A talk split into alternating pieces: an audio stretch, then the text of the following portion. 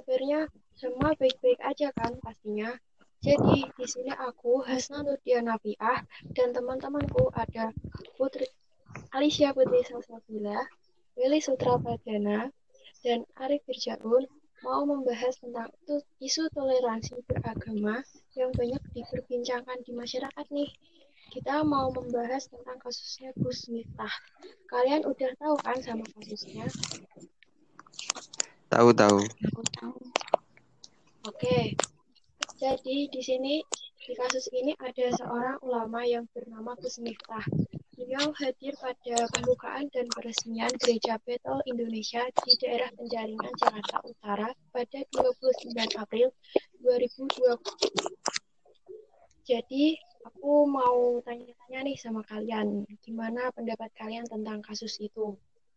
Kalau pendapatku soal kasus Gus Miftah ini tuh udah kayak lagu lama gitu. Sebelum kasusnya Gus Miftah ini udah ada ulama lain yang ngadepin kasus yang sama.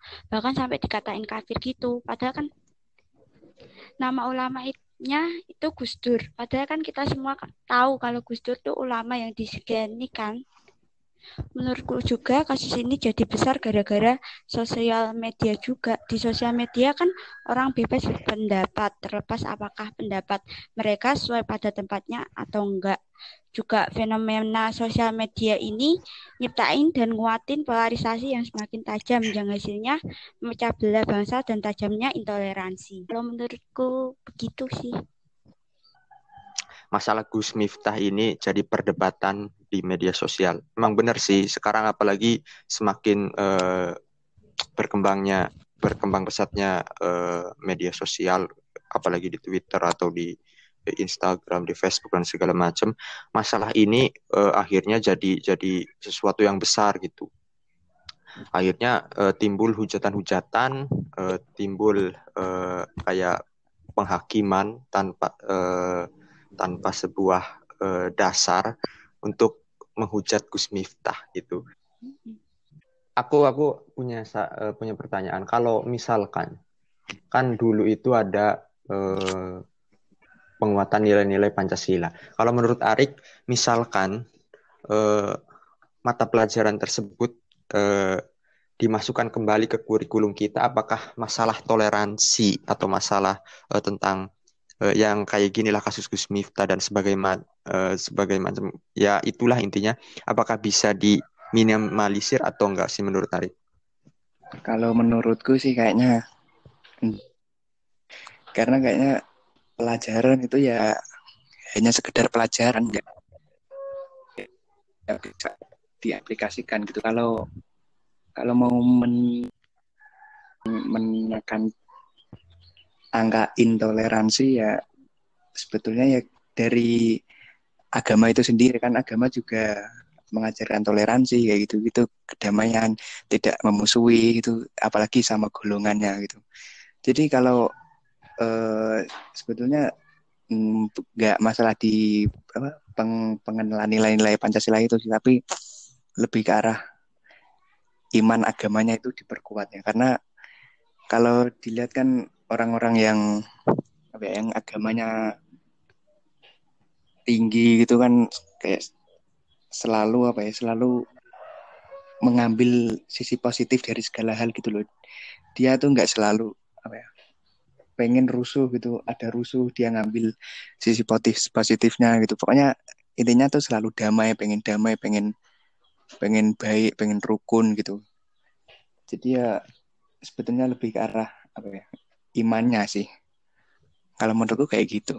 Kalau mau menurunkan intoleransi itu. Iya benar banget kalau memang semua agama pasti ya pasti mengajarkan eh, kedamaian. Eh, nah selanjutnya gini, eh, menurut kalian eh, apa sih yang harus eh, apa sih yang harus dilakukan sama bangsa ini untuk ke depannya agar masalah ini itu eh, nggak uh, terulang ke, ya minimal nggak terulang kembali lah menurut kalian gimana oh, kalau menurutku mungkin aku mau balik ke kasus Gus Miftahnya dulu kan ya yeah. ya kalau kasus Gus Miftah ini kan menimbulkan kelompok-kelompok yang yang mendukung Gus Miftah juga yang menolak gitu. Kelompok-kelompok yang menolak, yang memprovokasi Gus Miftah eh, sebagai bentuk kesesatan, kafiran ini eh, menimbulkan masalah yang serius karena kelompok-kelompok kayak ini yang dengan mudahnya men mencap sesat, mencap kafir itu rawan menciptakan radikalisme gitu. Dan ini kan menjadi ya, bahaya laten di Indonesia. Kasus-kasus terorisme kan biasanya kan muncul-muncul dari kayak gini, provokasi-provokasi gitu. Biasanya dilakukan orang-orang yang ilmunya tinggi tapi dia itu gampang banget buat di Nah, tadi kan yang gampang uh, gampang diprovokasi itu kan merupakan uh, bibit-bibit munculnya terorisme. Soalnya terorisme itu kan biasanya dilakukan oleh orang-orang yang ilmunya tinggi atau cukup, tapi dia tuh uh, mudah gitu diprovokasi semacam ini kayak uh, dan ini bahaya banget gitu. Kemudian kalau kelompok-kelompok yang mendukung Gus Miftah ini juga sebetulnya bahaya juga karena dia terlalu kayak menggampangkan gitu ya ke apa ya ke kayak orang masuk gereja nggak apa-apa orang masuk apa nggak apa-apa gitu dia kayak terlalu menggampangkan dan uh, dan ini menimbulkan dia kayak mungkin bisa bisa niru-niru yang apa dilakukan Gus Miftah tapi dia nggak punya dasar jadi ini juga bahaya karena uh, karena kan kalau Gus Miftah hadir di situ kan dia memiliki tujuan dari apa ya tujuan ceramahnya kenapa kok dia ada di gereja itu kan memiliki tujuan yang jelas gitu. Tapi kalau bagi apa mereka yang terlalu menggampangkan gitu, eh, mereka yang meniru-niru Gus Miftah sebagai bentuk toleransi mungkin mereka masuk ke gereja tapi tanpa adanya tujuan tertentu itu kan juga bahaya kan. Nanti malah bisa jadi toleransinya kebablasan gitu. Di media sosial lah ya. Mungkin kita belajar dulu cara bermedia sosial yang benar, yang mengedepankan etika, bilang dan apa ya menuduh orang ini A, menuduh orang ini B itu. Kalau kita nggak tahu, mending kita diam aja, kita nyimak aja gitu. Nah, nah ya bener banget. Tadi menarik yang dikatakan Arik bahwa uh, dari berkaca dari kasus Gus Miftah ini memang uh, beberapa orang tentunya ada yang uh, ada yang pro, ada yang kontra juga. Nah, jadi benar yang dikatakan Arik bahwa kita harus belajar uh, beretika media sosial yang baik terlebih dahulu.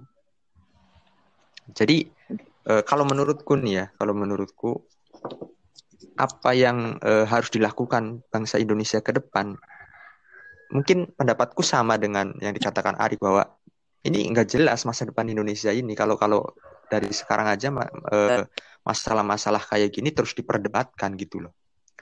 Solusi yang terbaik ya tadi seperti yang dikatakan Arik bahwa karena ini eh, zamannya teknologi media sosial gitu loh. Jadi eh, saranku eh, tadi sama dengan eh, yang dikatakan Arik bahwa kita harus belajar Eh, beretika bukan hanya beretika di uh, dunia nyata tapi juga dunia maya. Gitu sih menurutku. Itu kayak kompleks gitu rumit. Ini kan masalahnya cuma pertamanya cuma agama. Tapi dibalik itu kan kayak permasalahan ini itu puncaknya dari nggak cuma agama tapi faktor lain kayak politik ekonomi sama lain-lain tuh nyampur di sini jadi kayak rumit gitu. Jadi kesimpulan dari perbincangan kita kali ini memang sikap toleransi apalagi mengenai isu agama di Indonesia masih sensitif. Jadi, upaya pencegahan mengenai sikap toleransi setiap manusia harus mengintrospeksi dirinya masing-masing. Jika tidak tahu masalahnya, tidak usah ikut campur dan tidak usah menjadi provokator setiap isu yang ada. Terima kasih buat teman-teman atas waktunya. Sampai jumpa lagi.